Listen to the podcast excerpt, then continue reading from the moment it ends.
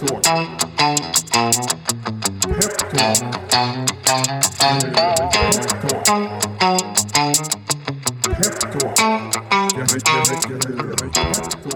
Hej och eh, välkomna till ett nytt avsnitt av Peptalk som idag leds av mig, Niklas Danko. Eh, och mig, Jakob Karlgart. Och idag gästas vi av Alex Molvin på, som är fund manager på Almi Invest. Välkommen hit! Tack så mycket! Skulle du vilja börja med att bara berätta lite om din eh, bakgrund och, och vem du är, så kan vi hoppa vidare och snacka lite mer om Almi Invest sen. Absolut.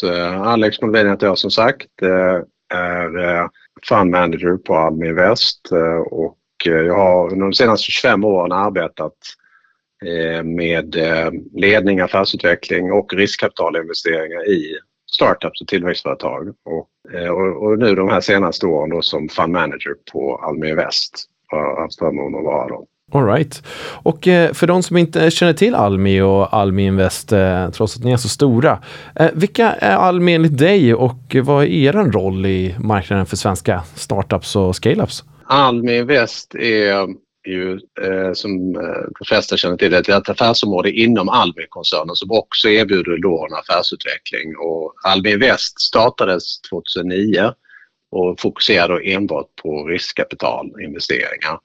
Och det som kännetecknar rollen för Almi Invest på marknaden det är just att vara marknadskompletterande eller man kan också kalla det marknadsutvecklande. Eh, så att vi på Almi Invest vi fungerar som en brygga till det privata kapitalet. Så vi har investerat ungefär 3,5 miljard eh, och men samtidigt då attraherat 15 miljarder från den privata riskkapitalmarknaden till våra portföljbolag.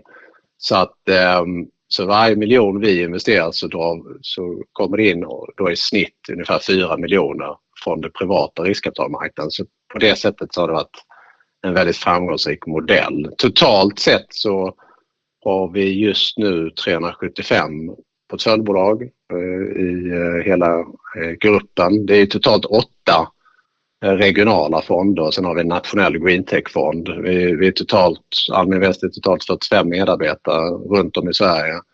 Och vi har ju fokus på att investera mellan 1 till 10 miljoner i bolag, då startups som precis börjat få kunder och så vidare. Så det är väldigt tidiga faser att investera. Och, eh, sen är det som vilket privat riskkapitalbolag som helst också på det sättet att vi vill ju nå positiva exits i de här bolagen vi investerar och tjäna gärna minst 5 10 gånger investerat kapital, gärna mer. Eh, och vi har gjort genom åren då, sedan 2009 har vi gjort eh, uppåt eh, 160 exits i 80 börsnoteringar och 80 industriella försäljningar. Då. Eh, så att det har varit en väldigt framgångsrik eh, resa för Aminvest hittills. Ehm, så att eh, det är väl lite kort om Almi Invest, skulle jag säga. Och, och bara för Den här, det, det, det man skulle säga... Ja, förlåt? Nej, jag tänkte bara, bara förtydliga ännu mer. Vad, vad kommer ert kapital i sin tur ifrån?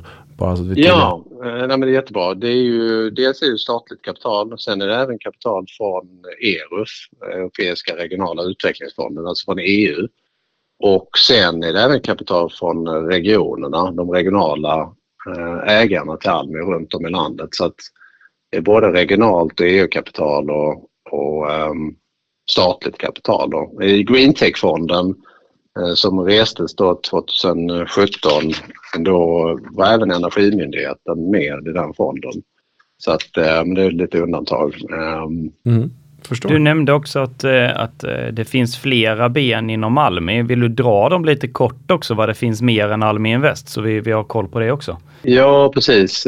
Almi, vi jobbar ju väldigt nära. Almi Invest är ett affärsområde. Sen har vi ett affärsområde då som erbjuder lån och affärsutvecklingstjänster också så att ofta är Almi med till och med innan då Almi Invest investerar i bolagen innan de är riskkapitalfähiga så att säga. Så de kan vara med med ett till exempel verifieringsmedel, kanske ett innovationslån och sen så utvecklas bolaget. De hjälper bolaget eh, med olika affärsutvecklingstjänster så att det fortsätter liksom utvecklas. Det kan vara att man gör en, en, en framtidsdialogen är just nu väldigt populär då, som tjänst där man gör en hållbarhetsanalys och, och, och på det sättet kan få bolaget att skala ännu fortare helt enkelt och växa ännu snabbare. Så att och sen när det då är färdigt eller moget för att ta in riskkapital, ja då kan Almi Väst komma in i bolaget och då så brukar ofta Almi, Almi då också komma in med till exempel ett tillväxtlån eller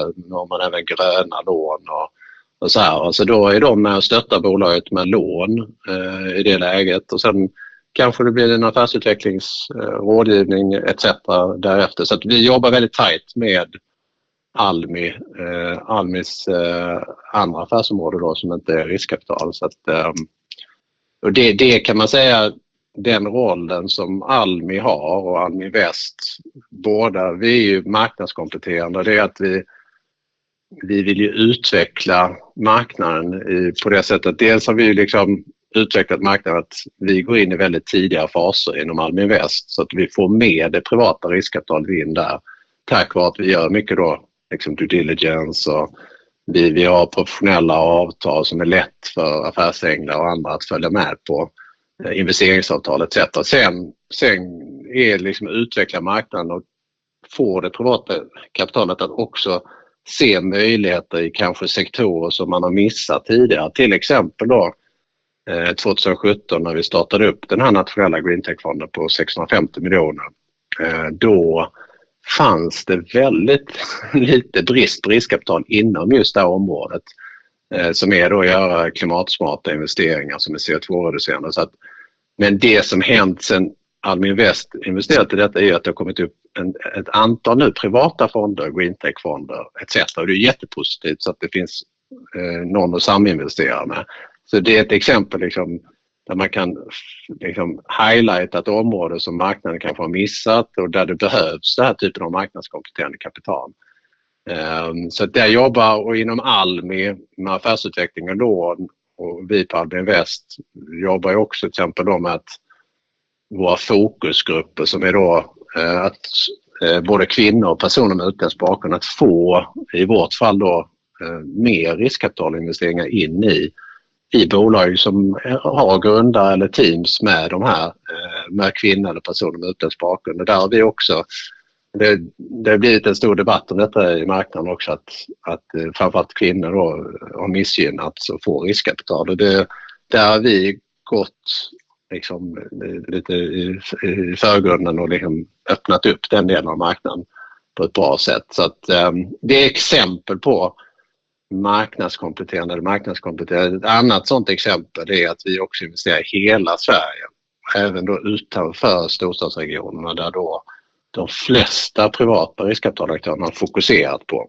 Ehm, men det finns oerhört bra investeringsmöjligheter utanför de här eh, regionerna, storstadsregionerna också.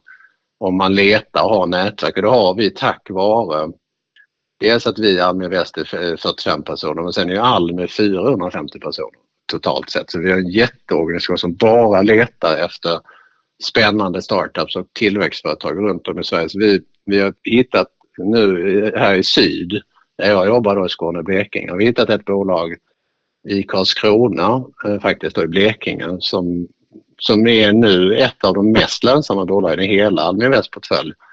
Eh, och det investerade vi 2020. Det redan eh, visat sig bli så lönsamt. Så att det, det går att hitta de här bolagen runt om i Sverige men det gäller att ha de här nätverken som Almi-koncernen som helhet har.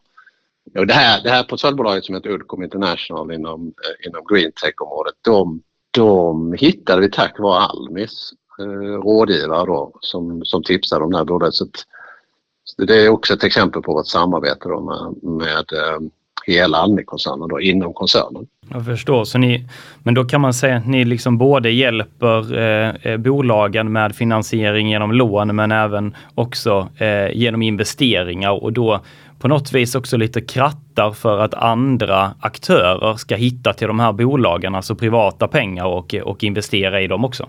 Precis och, och, och när Almi Invest grundades då 2009, eh, jag har ju bara varit med i tre och ett halvt år här, men då kanske marknaden för riskkapital den är ju mer mogen kanske i storstadsregioner och så här där det funnits länge och sånt medan runt om i hela landet har det inte funnits lika stor tillgång på riskkapital men, men det som Almi Invest har gjort på ett bra sätt är att man har liksom utvecklat riskkapitalmarknaden för alla affärsänglar och family office på det sättet att det är många som kanske gjorde sin första investering med Almi Invest som affärsängel och sen och då fick tillgång till liksom den due diligence-apparat vi har, alla de här professionella investeringsavtalen, aktieägaravtalen och, och fick se hur vi jobbar med de här bolagen för att utveckla dem. Och på det, sen, sen har de här änglarna kanske liksom lärt sig det. Sen har de gjort egna investeringar utan oss och så vidare. Och kanske, men på det sättet har vi liksom också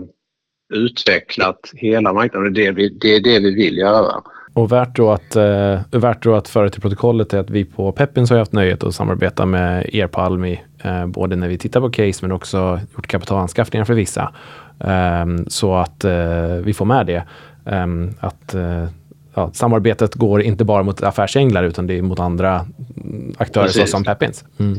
Nej, det är helt rätt och vi har idag ett nätverk av investerare på ungefär 2000. Huvuddelen är ju ändå svenska får man säga, även om det finns en hel del nordiska och internationella eh, investerare i det här nätverket också. Men det gör ju att med det här nätverket vi har så kan vi så att säga, när vi investerar i ett bolag så kan vi snabbt öppna upp det nätverket och få in andra medinvesterare, då privata i huvudsak, men också då har vi ett nätverk då som innebär alla, alla firmor som jobbar i hela det finansiella ekosystemet för den här typen av startups och tillväxtbolag och scaleups.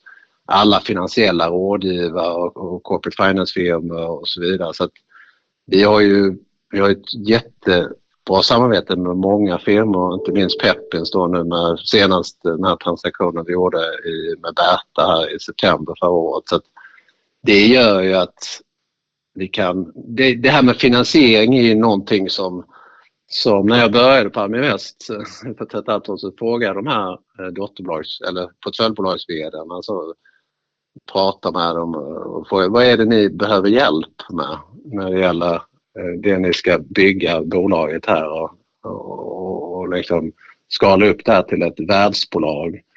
Och det gemensamma för de här VDs det är liksom att vi, vi har rätt bra koll på vad vi ska göra med vårt team och hur vi ska eh, kunna skala affären och, och, skapa en hög omsättning och lönsamhet. Men vi, vi behöver hjälp med finansiering. Det, är inte, det, har, det har vi aldrig hållit på med. Hur man tar in kapital och vi har inte det nätverket. Vi vet inte alla avtal, vi vet inte hur, hur liksom, den här finansiella strategin. Vi kan business, men vi kan inte det här andra. Så där, den att kunna vara, att för Almi Invest att kunna vara en katalysator i det läget. Att, för det är också viktigt att komma ihåg det svåraste läget i de här startup scale-ups, framtidens liksom miljardbolag, framtidens H&M eller IKEA eller vad det än är. De, det svåraste kapitalet att hitta det är det första kapitalet. Det, det, är liksom, det, är ofta, sen är det ofta enklare när man väl får in någon professionell investerare som Almi Invest eller någon annan privat. Det är ofta lättare för det, det är alltid svårast att, att, ta den här första stora kunden eller första stora investeraren. Sen, sen, har, sen om man bara levererar så, så brukar det lösa sig. Eh, men det är, så det är där Aminvest spelar som störst roll, i den här tidiga fasen. Vara en katalysator, göra due diligence och liksom också kunna formera så alltså att det blir rätt investerare som kommer in i bolaget som är bra för bolaget men också tillsätta en, en professionell styrelse och ha bra affärsplan och uppföljning på den. Eh, och framförallt såklart att se till att managementteamet kompletteras och blir ännu bättre än vad det redan är när vi går in. Eh, men, men det är ju teamen som gör de här casen, det är de som levererar, det är de, vi som investerar, vi, vi och sitter i styrelsen och så vidare. Det är ändå det, det är strategier, finansiell kontroll och sånt men, det, det, men man måste se till att de här bolagen får det kapital de behöver för att kunna göra den här tillväxtresan. Ehm, så det är en viktig roll som man som riskkapitalaktör har. Ja, att eh, lösa det. Ehm, och, och ehm, där, där är ju just den rollen i Sverige har det varit lite, om man jämför internationellt så har många bra startups och Eh, tillväxtbolag varit lite underkapitaliserade jämfört med sina internationella konkurrenter då, eh, som, som USA och Europa där det ofta satsat större kapital. Eh, där man, vi konkurrerar på en global marknad med våra bolag så att det är viktigt att vi också kan ge våra portföljbolag rätt möjlighet att bli nummer ett på respektive då globala marknad de befinner sig i. Verkligen, verkligen. Jag tänkte på när ni, när ni tittar på bolag, du var inne lite på det tidigare, på sektorer och så här. Men är ni helt sektoragnostiska eller är det någonting som ni eh, tittar lite extra mycket på och någonting som ni eh, inte vill vara med och investera i? Eh, man kan säga att vi gjorde ju en, en uh, exit-analys redan 2017 då, då man kunde se de, alla de här första exit, större exit som genomfördes. Så då tittade vi igenom, vi har totalt gjort 850 portföljbolag och eh, eh portföljinvesteringar och tittade på de som gick bra och de som inte gick bra. Så då såg vi vad Almin Väst varit lyckosamma inom. Eh, det visade sig vara inom alla sektorer och det är det vi också, vi investerar i alla branscher. Sen, sen finns det vissa branscher vi exkluderar enligt vårt exkluderingsavverk. Till, till exempel vapen, spel om pengar, pornografi, fossila bränslen med mera. Då. Så det finns ett antal sådana branscher men det är viktigt, man kan säga att de framgångsfaktorerna som har varit för oss har inte varit liksom vilken bransch vi går in i utan det har varit mycket mer utifrån eh, gemensamt för de här riktiga succéerna och, och framgångskrisen som vi har haft. De här, alla de här positiva exit som har varit genom åren har ju varit att de, de ofta har haft en avancerad teknisk plattform i grunden. Kan vara forskningsbaserad, behöver inte vara det. Men sen har det varit också att teamsen då, de här, vilket är det viktigaste, liksom människorna man investerar i, att de ofta har en bakgrund från branschen man går in och visat sig. Och sen att, att självklart att det är skalbara affärsmodeller med, med global marknadspotential och den biten. Och sen, sen andra framgångsfaktorer som vi tittar på är ju, är ju också det här med eh, att man då som entreprenör investerar både tid och kapital i bolagen och Även att man då lyckas, eh, och ofta med vår hjälp, att få in bra kapital, andra smart kapital som kan bidra till de här bolagen. Eh, men inte bara pengar utan kanske nätverk och expertis. Då. Så att, eh, det har varit framgångsfaktorer för Almi Invest. Men det är helt branschoberoende på det sättet. Eh, sen, sen kan man ju se de branscherna, det är inom tech, vi är inne vid life science, vi är inom alla typer av industrier och sen då har vi lite specialfokus då på green tech. Eh, men, men ehm, ja, det, vi är branschoberoende eh, på så sätt. Det, det, verkar ju som att ni har många strängar på er lyra där på Almi Invest och till och med flera på Almi helhet. Därför eh, vore det jätteintressant om du skulle kunna beskriva lite vad du gör i din roll som fund manager. Um, vad, vad tittar du? Hur ser, hur ser en vardag ut för dig helt enkelt? Ja, exakt. Eh, det är ett väldigt roligt jobb detta måste jag säga. Eh, I och med att det är så, vardagen är så förändlig. Och vi har, jag är ju fondchef så jag ansvarar övergripande för, i vårt fall då, eh, sydregionen som är Skåne och Blekinge. Så vi har ju 50 portföljbolag och vi är ett team på totalt sex personer eh, med jag själv och eh, fem investment managers då, som hanterar de här bolagen. Ofta sitter vi i styrelsen i bolagen. Hur många styrelser sitter du i? Förlåt? Hur många sitter du i? Hur många styrelser? Eh, jag sitter just nu i tre styrelser, okay. om jag inte missminner mig. Så att jag, sitter, jag försöker inte sitta i så många styrelser. För min roll är att stötta eh, mina fem investment managers i deras arbete. De de kan sitta i uppåt 58 styrelser eh, men vi försöker liksom hålla det så att det kan bli, det får inte bli för många heller för dem självklart.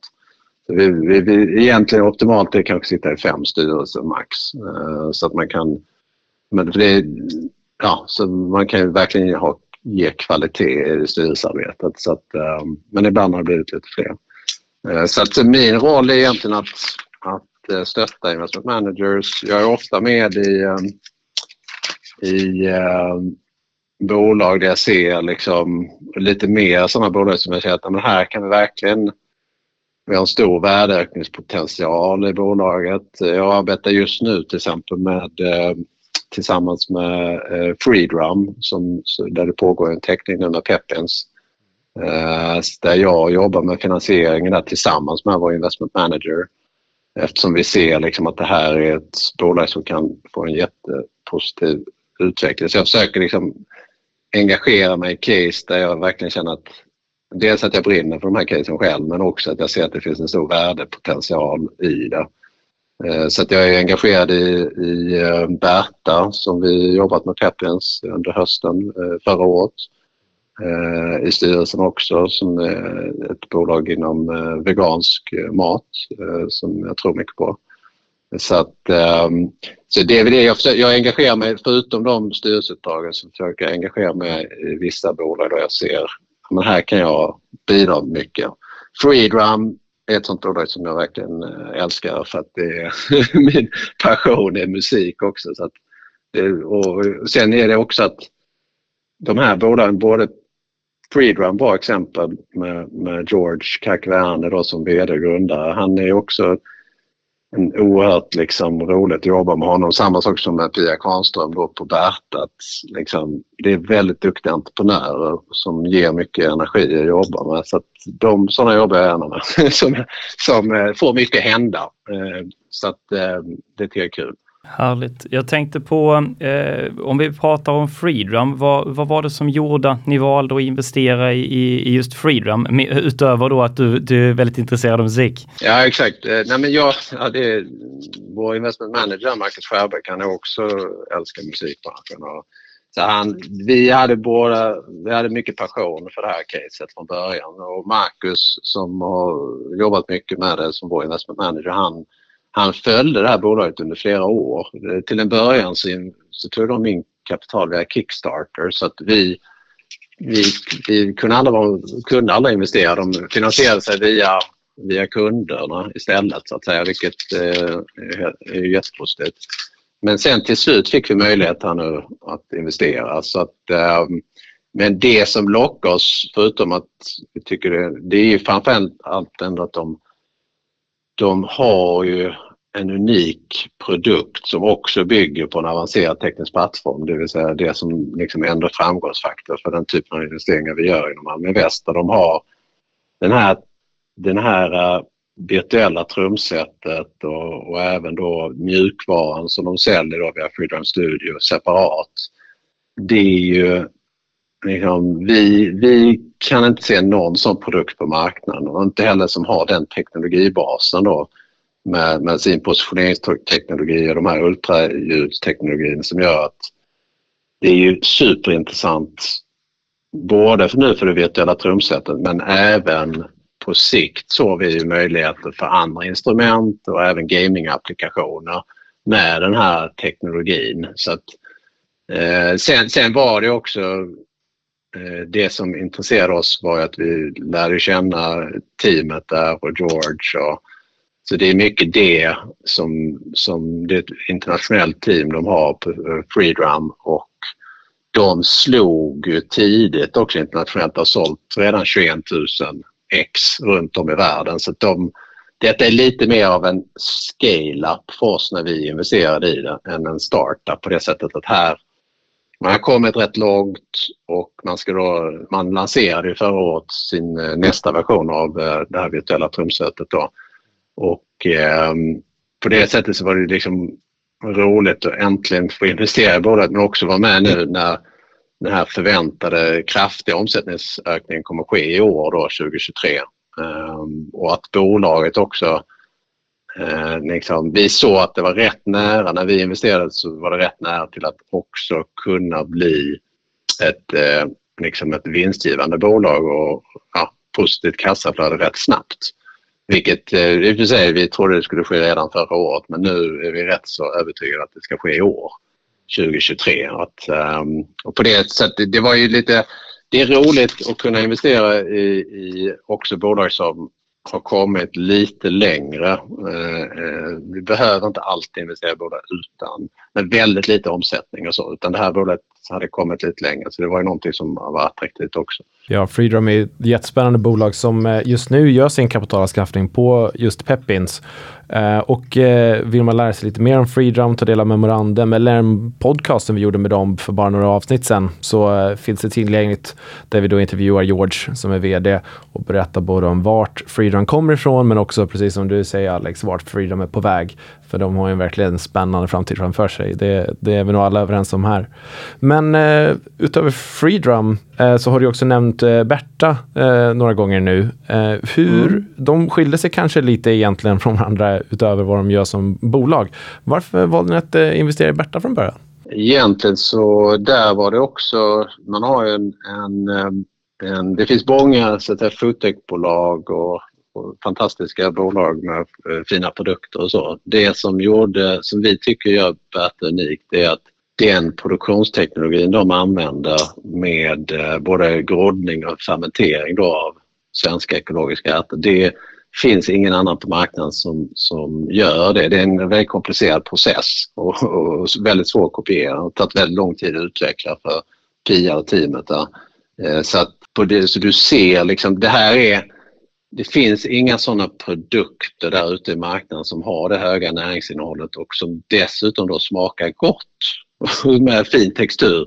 Så det, det är det som med veganska livsmedel, det är en viktig bit är att liksom också att det ska smaka gott i slutändan och där har de verkligen lyckats Berta och, och vunnit många smaktester och, och sådana bitar också såklart. Så att, eh, det är väl det som vi tyckte från början var det mest intressanta och eh, givetvis med Pia som, som då entreprenör och grundare eh, som har väldigt eh, liksom, stark drivkraft och vara med, var med i hela det här växtbaserade skiftet som, som sker, eh, håller på att ske nu. Eh, där menar, hela den här matproduktionen står för 20 av, av alla CO2-utsläpp. Så att detta är den största sektorn. Och så att, att vi, köttkonsumtionen kommer minska och är minskande med den här veganska produktionen och inte minst ekologiskt också är, är stark tillväxt.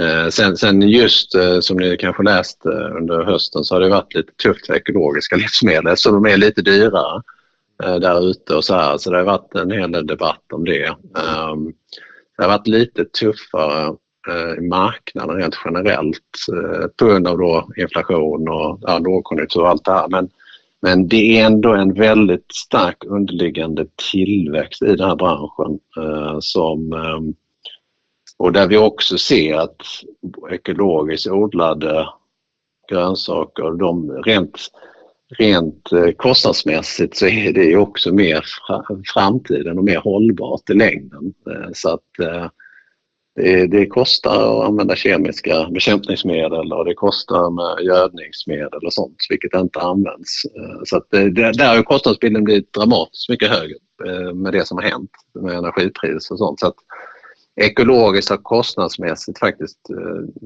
gynnats väldigt mycket sista året. Så att nej, men jag tror det Berta finns väldigt mycket positivt att säga. Verkligen, och den, de stängde ju sin övertecknade emission då i, i september förra året. Eh, men, men kommer bli aktuella för, för handel under, under våren för den som tittar lite extra på det och tycker att det verkar intressant. Mm. Eh, jag tänkte, du har ju träffat en hel del bolag under din karriär. Eh, är det något som du skulle vilja dela med dig av som sticker ut lite extra, som har varit liksom extra intressant att du fick titta på det vid ett tidigt, tidigt skede? Och det spelar egentligen ingen roll om du valde att hoppa på tåget eller inte, men det har bara varit intressant att höra. Ja, jag tycker väl eh, ett bolag som jag har varit engagerad i inom Almi Väst som varit väldigt kul, Jag var i styrelsen också i ett bolag som heter Danads International i Stockholm är de baserade idag. Eh, de började i Skåne men flyttade till Stockholm. Eh, så att eh, de gör en sån här self-service annonsplattform för alla egentligen. Det är egentligen en, man valde att liksom konkurrera med Google AdWords eller Facebook AdWords. Att alla som har sajter med mycket trafik och stora publishers de kan också tjäna pengar på sin trafik precis som Facebook eller Google gör och har sin egen annonsplattform och säljer annonser self-service då till mindre och medelstora bolag som vill annonsera. Så att eh, det är väldigt väldigt bra exekverat, väldigt bra managementteam där eh, och VD och grundare i, i det bolaget eh, som har varit jättekul att följa dem. Eh, så de har tagit in, och det var också ett bolag som tog global, gick globalt direkt och tagit in väldigt mycket fina kunder som Tripadvisor och Klarna, Philips, Bloomberg. En massa fina kunder eh, som ehm, så växer väldigt kraftigt det bolaget. Också ett eh, SaaS-bolag. Ehm, så att, eh, nej men det är väl ett som jag tycker att tycker eh, också liksom gillar verkligen teamet där också. Kul. Det har gjort det väldigt bra. Ligger det kvar i Almis eh, portfölj? Ja, det gör det fortfarande. Och, så nej, det är en... Eh, Stay tuned. Nej, det, Mer vi, kommer där vi gärna, vi, vill gärna, vi vill gärna att det fortsätter bara utvecklas. Och det är lite så med den här riskkapitalbranschen att det är ju ofta liksom Ibland, man måste ofta, antingen, visst de här bolagen kan ibland säljas efter 3 till 5 år. Någon större aktör köper upp de här bolagen för dess teknologi eller tekniska plattformar. Det kan bli jättebra exit där också men ibland så, så är det bättre att sälja de här bolagen efter 7 till 12 år. När de har liksom verkligen lyckats på marknaden och, och fått upp sin omsättning och resultat rejält. Så att, man tjänar väldigt mycket på om man kan vara lite långsiktig. Eh, så så jag hoppas att de här fortsätter leverera så det kan bli en väldigt bra exit senare också. Spännande. Men, eh, men som motsatt då, eh, efter, efter din långa karriär som du precis innan beskrev, har du något exempel på en investering som kanske inte gick så bra, eller man ska, behöver inte säga den värsta, men någonting du varit väl involverad i där det inte liksom föll ut som man planerade eller som man förväntade sig. Och vilka lärdomar tar du med dig från det när det inte går som det ska? Nej, exakt. Alltså det är ju, nej, men jag, jag tror ett, ett sånt exempel eh, som jag behöver inte namnge det bolaget men, men som, jag, som vi investerade då jobbade jag med ett, inom ett privat riskkapitalbolag. Eh, detta var år 2000. Eh, och eh, det var ett bolag, det var väldigt det fanns ett uttryck då på den tiden man sa headline investing, att man investerar i det som är hett för tillfället. Så se, det finns ju trender inom investeringar och venture capital och riskkapital att man, nu är detta hett och, och liksom då går ja, pengarna tenderar, just nu kanske hållbarhetsfokus och digitalisering och så investerar man mycket i de här. Och, år 2000 så var det någonting som var väldigt hett eh, som hette AI eh, det låter konstigt kanske, fortfarande hett idag. Men det var väldigt hett då med AI redan då. Eh, så det investerats väldigt mycket. Vi investerade i ett bolag då inom AI och de hade lite kunder och så. Men det, det tog aldrig fart rent på säljsidan utan, men det var ändå intressant teknologi och, och, och men det, och det, var inte, det fanns patent och, och sådana bitar. Men det var liksom, teamet fick alla det flyga, eh, det bolaget om man säger så. Sen var AI på den tiden också, år 2000, så det var lite för tidigt att gå in i vissa av de casen. Så år 2005, 2007, då var AI bland det mest ointressanta. det var ingen riskkapitalaktör som ville investera i någonting som hette AI då, eller kallades AI för att då hade man gjort alla sina förluster precis som vi gjort i det här bolaget. Att det, det, det tog alla fart. Det var inte moget liksom för AI-marknaden. Men nu är det moget för AI. Så nu kom det här bolaget tillbaka till mig. Oh, Samma wow. bolag 20 år senare för att det gick aldrig omkull faktiskt eh, utan det höll sig flytande. Ja, intressant. Så nu, nu ville de 20, 22 år senare att vi skulle investera i detta eh, bolag fast med annan management. Så, så att, och då ska man faktiskt, då tittar verkligen seriöst på detta. För att det är jätteviktigt just det är teamet som avgör ofta om det här blir bra i slutändan eller ej. Så att, eh, Eh, det, det bolaget, eh, i och med att de bytt management, nu gjorde vi inte investeringen i det bolaget ändå, men, men vi tittade verkligen på det som ett nytt bolag för att teamet är så avgörande. Och även om vi har väldigt fokus på det här med avancerad teknisk plattform och vi tittar mycket på patent, och mycket due diligence med patentbyrå och annat så, så är det ofta att den här grundläggande teknologin eller patenten eller plattformen man har, det är, det är, det är, inte, det är ofta att det inte är den som gör att bolaget lyckas utan det är någonting som teamet utvecklar lite senare, ett par år senare. Som det kanske blir hela bolaget blir uppköpt på eller att det är det som gör att försäljningen och resultatet tar som fart. Då. Liksom så att det är liksom paradoxalt nog så att det därför är det här med just teamet. Eh, så det här är liksom några lärdomar man kan göra av detta är att ibland kan man vara för tidig i att investera i vissa av de här teknikerna och att inte investera i kanske headline investing utan försöka hitta nya grejer som inte alla pratar om utan där tenderar värderingarna gå upp väldigt mycket också. Så att, ehm, men sen är det också viktigt att, att framförallt då hitta och det är väl det som är utmaningen när man jobbar som vi då med fokus på startup tillväxtbolag som är liksom mer innovativa med hög teknologihöjd och innovationshöjd. Att hitta då rätt teams, rätt grundare, rätt VD. Så vi jobbar väldigt mycket med det och utvärderar teamsen och har även utvärderingsverktyg för det. För att se, är detta verkligen rätt team och rätt teamsammansättning? Kommer de kunna lyckas eh, med den här resan? För det, det är helt... Det, och det kan man även se i forskningen att det är det som är avgör, liksom, i alla fall till 50% minst, om det här blir lyckosamt eller ej. Sen, sen har du aspekten liksom product market fit. Liksom, är det rätt produkt till rätt marknad och liksom att man ska hitta rätt med sin produkt.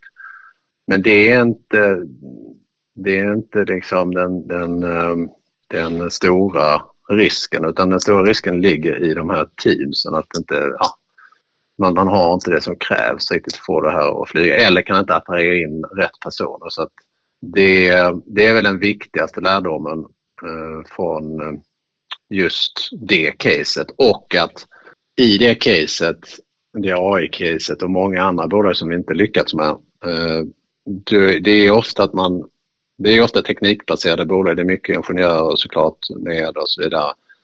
Fantastiska personer. Men det gäller också att sätta rätt kultur och ha det här säljfokuset från början. Och inte liksom få den här för mycket teknikorienteringen och bara sitta och utveckla. Utan istället utveckla väldigt nära kund, sälja, försöka sälja tidigt så att man liksom hela tiden exponerar sig mot kund direkt och får kunden in i hela processen eh, från början. Och inte utveckla någonting som inte marknaden då vill ha. Eh, så därför det här säljfokuset, som Freedrum är ett bra exempel på det som har detta eh, från början.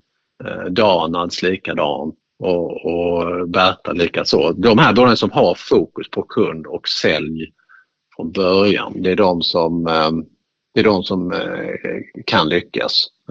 Så man får rätt kultur. Ja, Jag tycker också det är ett jätte jätteintressant exempel på liksom tajmingen när du, när du pratar om just AI som känns som att det är på alla släppar idag.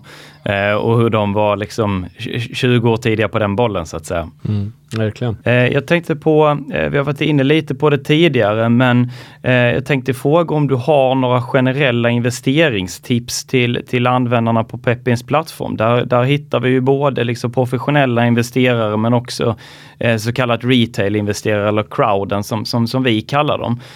Och jag gissar att du har med dig en hel del liksom, bra insights där. Från, från ni, ni investerar ju väldigt brett på Almi som du var inne på tidigare. och mm Eh, då har man liksom en stor urvalspool så att säga att, att, att utgå ifrån när man kollar på, tittar tillbaka, vad har funkat och vad har inte funkat? Nej, exakt. Och det, det ska man säga, vår exitanalys som vi gjorde började göra ordentligt 2017. Det är ju baserat från, så att säga, vår från Almi Väst. Så det är den setupen som vi har och den kompetensen, den inriktningen. Så att det är inte den är ju, det finns ju andra vägar att nå framgång. Det, det är bara det sättet som Almi Väst har nått framgång på. Det är viktigt att komma ihåg det. Eh, så att, eh, men det som man kan säga rent generellt när man investerar i, i startups, tillväxtbolag, att som jag har varit inne på mycket nu redan, det är ju det här med teamet. och liksom, I grundaren är ju viktigt från början men att man har ett grundarteam. I vårt fall så har det varit viktigt ofta också att tänka på att liksom, helst att det finns ett team från början med i alla fall två personer, inte bara en person. Det blir mer känsligt om det bara är en grundare för den personen kan bli sjuk eller tröttna eller, var, var, var, eller byta jobb eller göra något annat.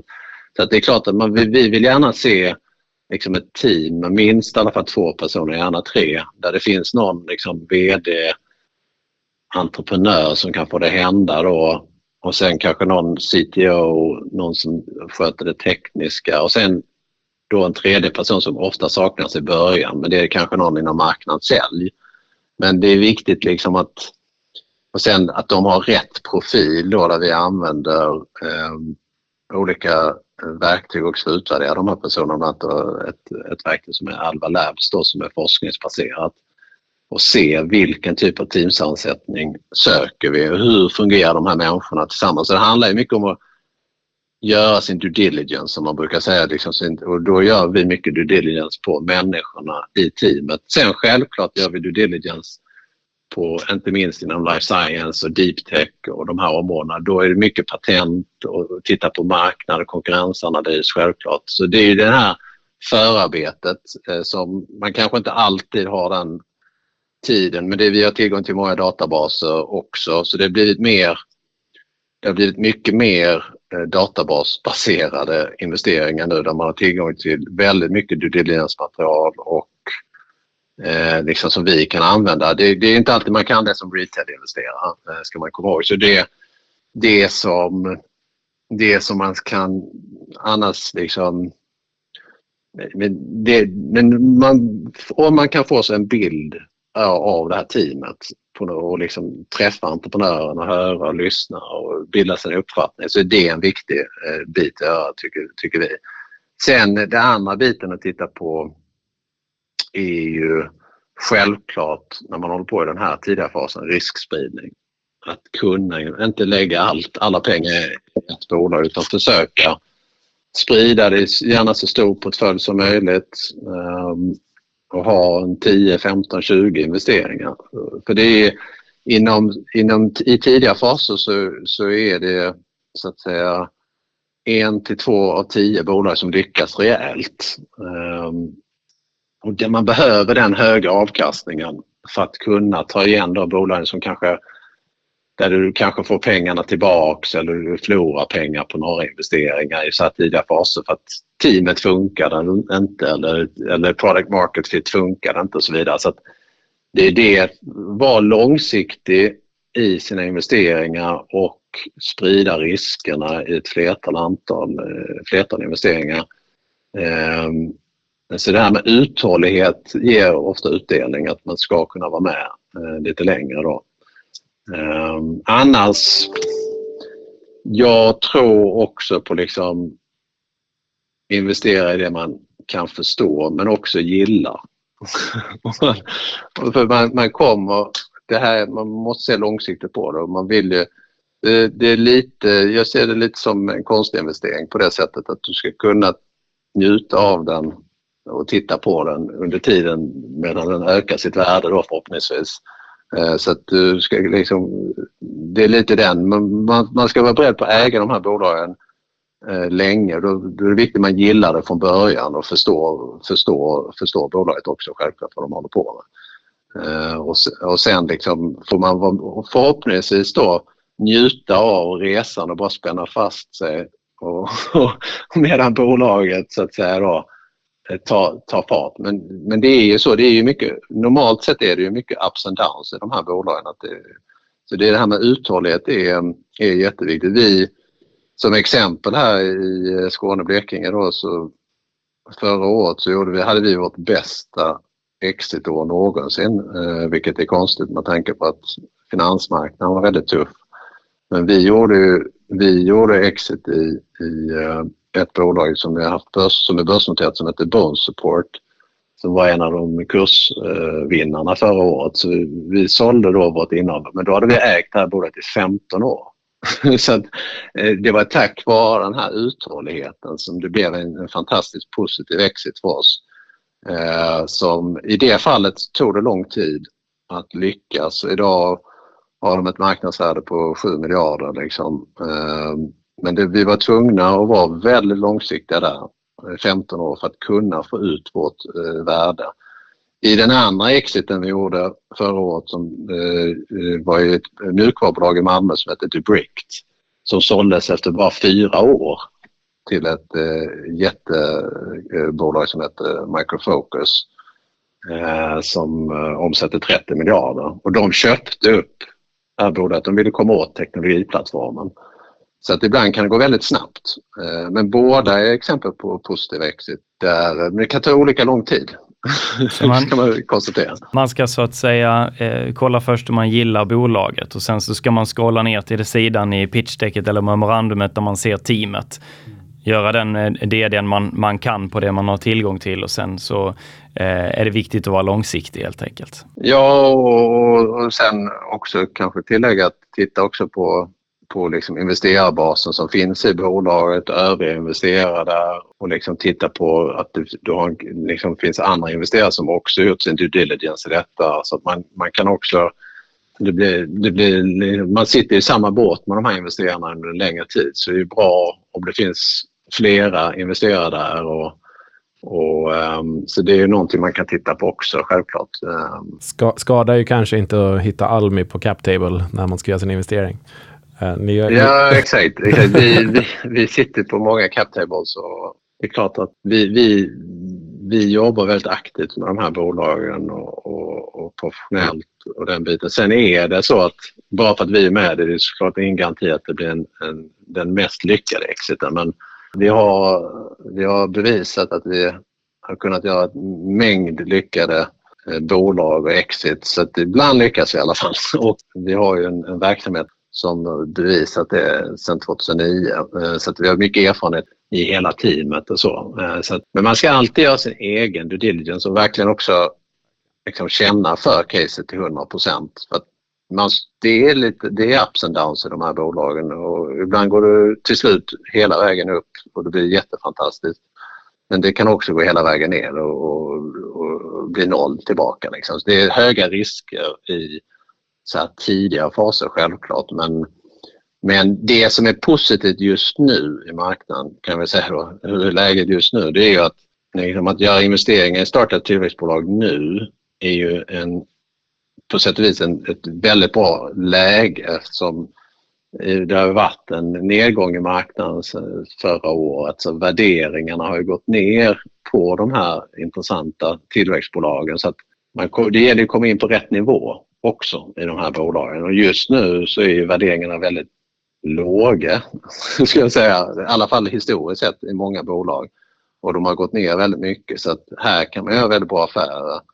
Och dessutom så är det ju fokus, eh, som i Freedrum, ett bra exempel på det där, där vi har en ändå relativt liksom betydligt lägre värdering denna gången nu i mars än vad det var för eh, bara ett år sedan så var den liksom mer än dubbelt så hög.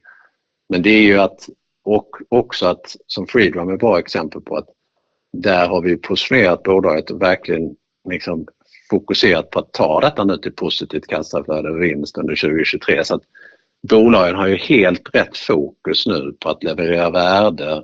För det man liksom vrider och vänder på varenda krona man får in.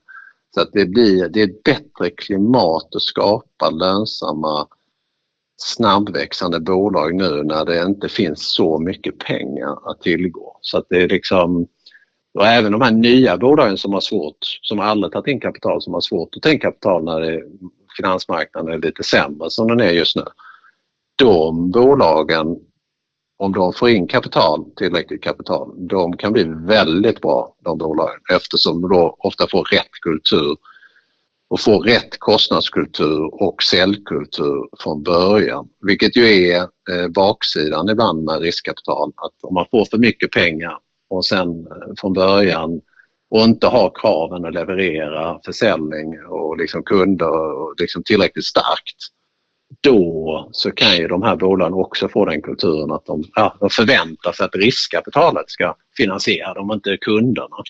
Vilket är ju en, en fälla eh, som, som blir smärtsam att få uppleva nu då när det inte finns så mycket riskkapital. Så att eh, det är också en eh, viktig lärdom att eh, det, det, är ett bra investeringsläge eh, skulle jag säga just nu. Ja, det, det är ju verkligen ett annat klimat nu bara sen bara några år tillbaka. Så det ligger självklart jättemycket i det du säger. Um, och därför funderar jag på om utöver att marknaden för investeringar har ändrats, finns det några eh, specifika spaningar i sektorer som du tycker det bubblar lite extra i just nu, där det sker väldigt mycket på kort tid och att om någonting har skiftat. Vad, vad, vad tittar du själv på för bolag framöver, förutom det breda fokuset ni har såklart? Är det någonting du tycker är lite mm. mer speciellt? Men vi, vi, vi ser, det man ser i marknaden som har varit tydligt också nya riskkapitalfonder som har startats, privata fonder har startats eh, senaste åren. Det är ju mycket fokus på impact och hållbarhetsinvesteringar eh, men också inom eh, det man liksom kallar deep tech. Eh, lite mer sådana bolag där du har disruptiva teknologier. Det kan vara inom olika branscher. Det behöver inte bara vara liksom, det kan vara inom green tech men inom tech och inom alla branscher egentligen där du har den här typen av kärnteknologier som, som är man kan, de, de förändrar liksom förändrar branschen eh, och på ett sätt som gör liksom att ja, du får helt nya bolag som, som bildas. Eh, det är liksom den elektrifieringen av bilar som Tesla är ett exempel eh, som var då, som har hänt redan att plötsligt så blir det bara elbilar med allting. Eh, så det, är liksom, det kan gå rätt snabbt. Eh, och, men den här typen av Key Enabling Technologies eller Deep Tech-bolag, där ser man det är ju det är någonting vi inom Almi Invest fokuserar på också självklart eh, och har gjort länge. Men här ser man en tendens att fler privata fonder startar och det är ofta investeringar som är lite mer långsiktiga och kräver mycket liksom, due diligence för att gå in i rätt bolag självklart. Eh, samma typ, samma sak ser vi inom life science eh, där det finns liksom nya teknologier, DNA-terapier, cellbaserade terapier som håller på att förändra liksom hela sättet hur man kan läka en människa i grunden. Eh, om du har blödarsjuka så plötsligt så har du inte längre eftersom du använder DNA-terapi mot det. Så det är liksom helt nya sätt. Så det är den här typen av disruptiva teknologier och gärna då om du har hållbarhetsfokus eh, som är just nu i ropet skulle jag säga. Eh, och ofta är det tvärvetenskapligt också. AI har vi pratat om som är såklart investeras mycket inom på olika sätt och det kommer ju förändra och håller ju på att förändra nu många industrier. Eh, AI och den digitaliseringstrenden som finns är ju en driver eh, i många branscher. Eh, som vi pratat mycket freedrum, där liksom den digitaliseringstrenden, det är de här virtuella trumsätten och andra virtuella digitala tar jag över från det fysiska, eh, även i den branschen. Eh, så det är där tillväxten finns eh, Och och trenden likaså. Då. Så att, ehm, jag tror, ehm, men det viktiga är kanske inte vilken bransch utan det är mer eh, hur, hur nya teknologier förändrar de här branscherna. Det är där man letar och hållbarhetsbiten som är uppenbar att, att eh, jag, jag är själv intresserad av eh, ett område som CCS inom, inom green tech, alltså carbon capture storage som man samlar in den här CO2 på nya sätt. Det tror jag kommer, och det finns ett antal bolag, även börsnoterade nu. Jag tror det kommer bli en helt en helt ny bransch eh, som växer fram under de närmsta 5-10 åren eh, som blir väldigt stor. Så att eh, ja, det finns väldigt drivkraft att vi, vi vill inte, ja, det här, vi måste göra någonting åt miljöfrågan helt enkelt.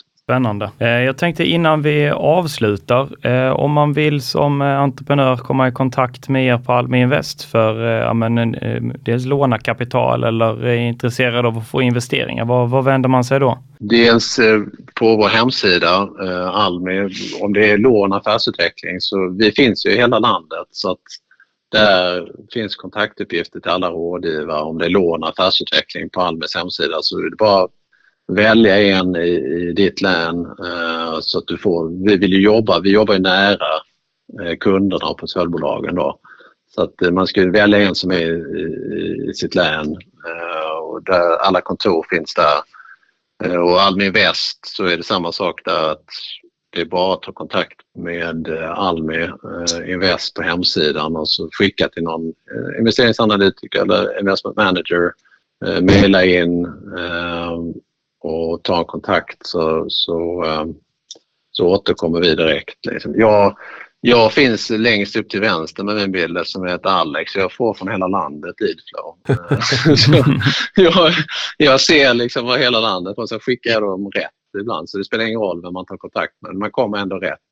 Och ibland så kan vi träffa entreprenörerna om de har intresse av affärsutveckling, lån och sånt. Det har man ibland samtidigt som riskkapital. Då kan man träffa både en rådgivare från Almi eh, på lånesidan och sen kan eh, en investment manager från oss vara med.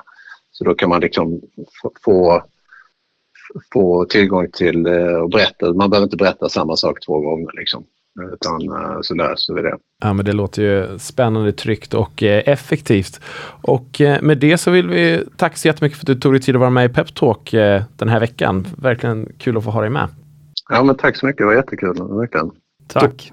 Då ska vi avsluta med att läsa disclaimern. Eh, det kan jag göra idag. Eh, kom ihåg att investeringar i noterade och onoterade bolag innefattar risk. En aktieinvestering kan sjunka i värde och det är inte säkert att en investerare får tillbaka satsat kapital eller något kapital alls. Ingenting som sägs i denna podcasten ska anses vara rådgivning och tidigare resultat är ingen garanti för framtiden. Och där var jag tror jag vi var färdiga. Det var vi.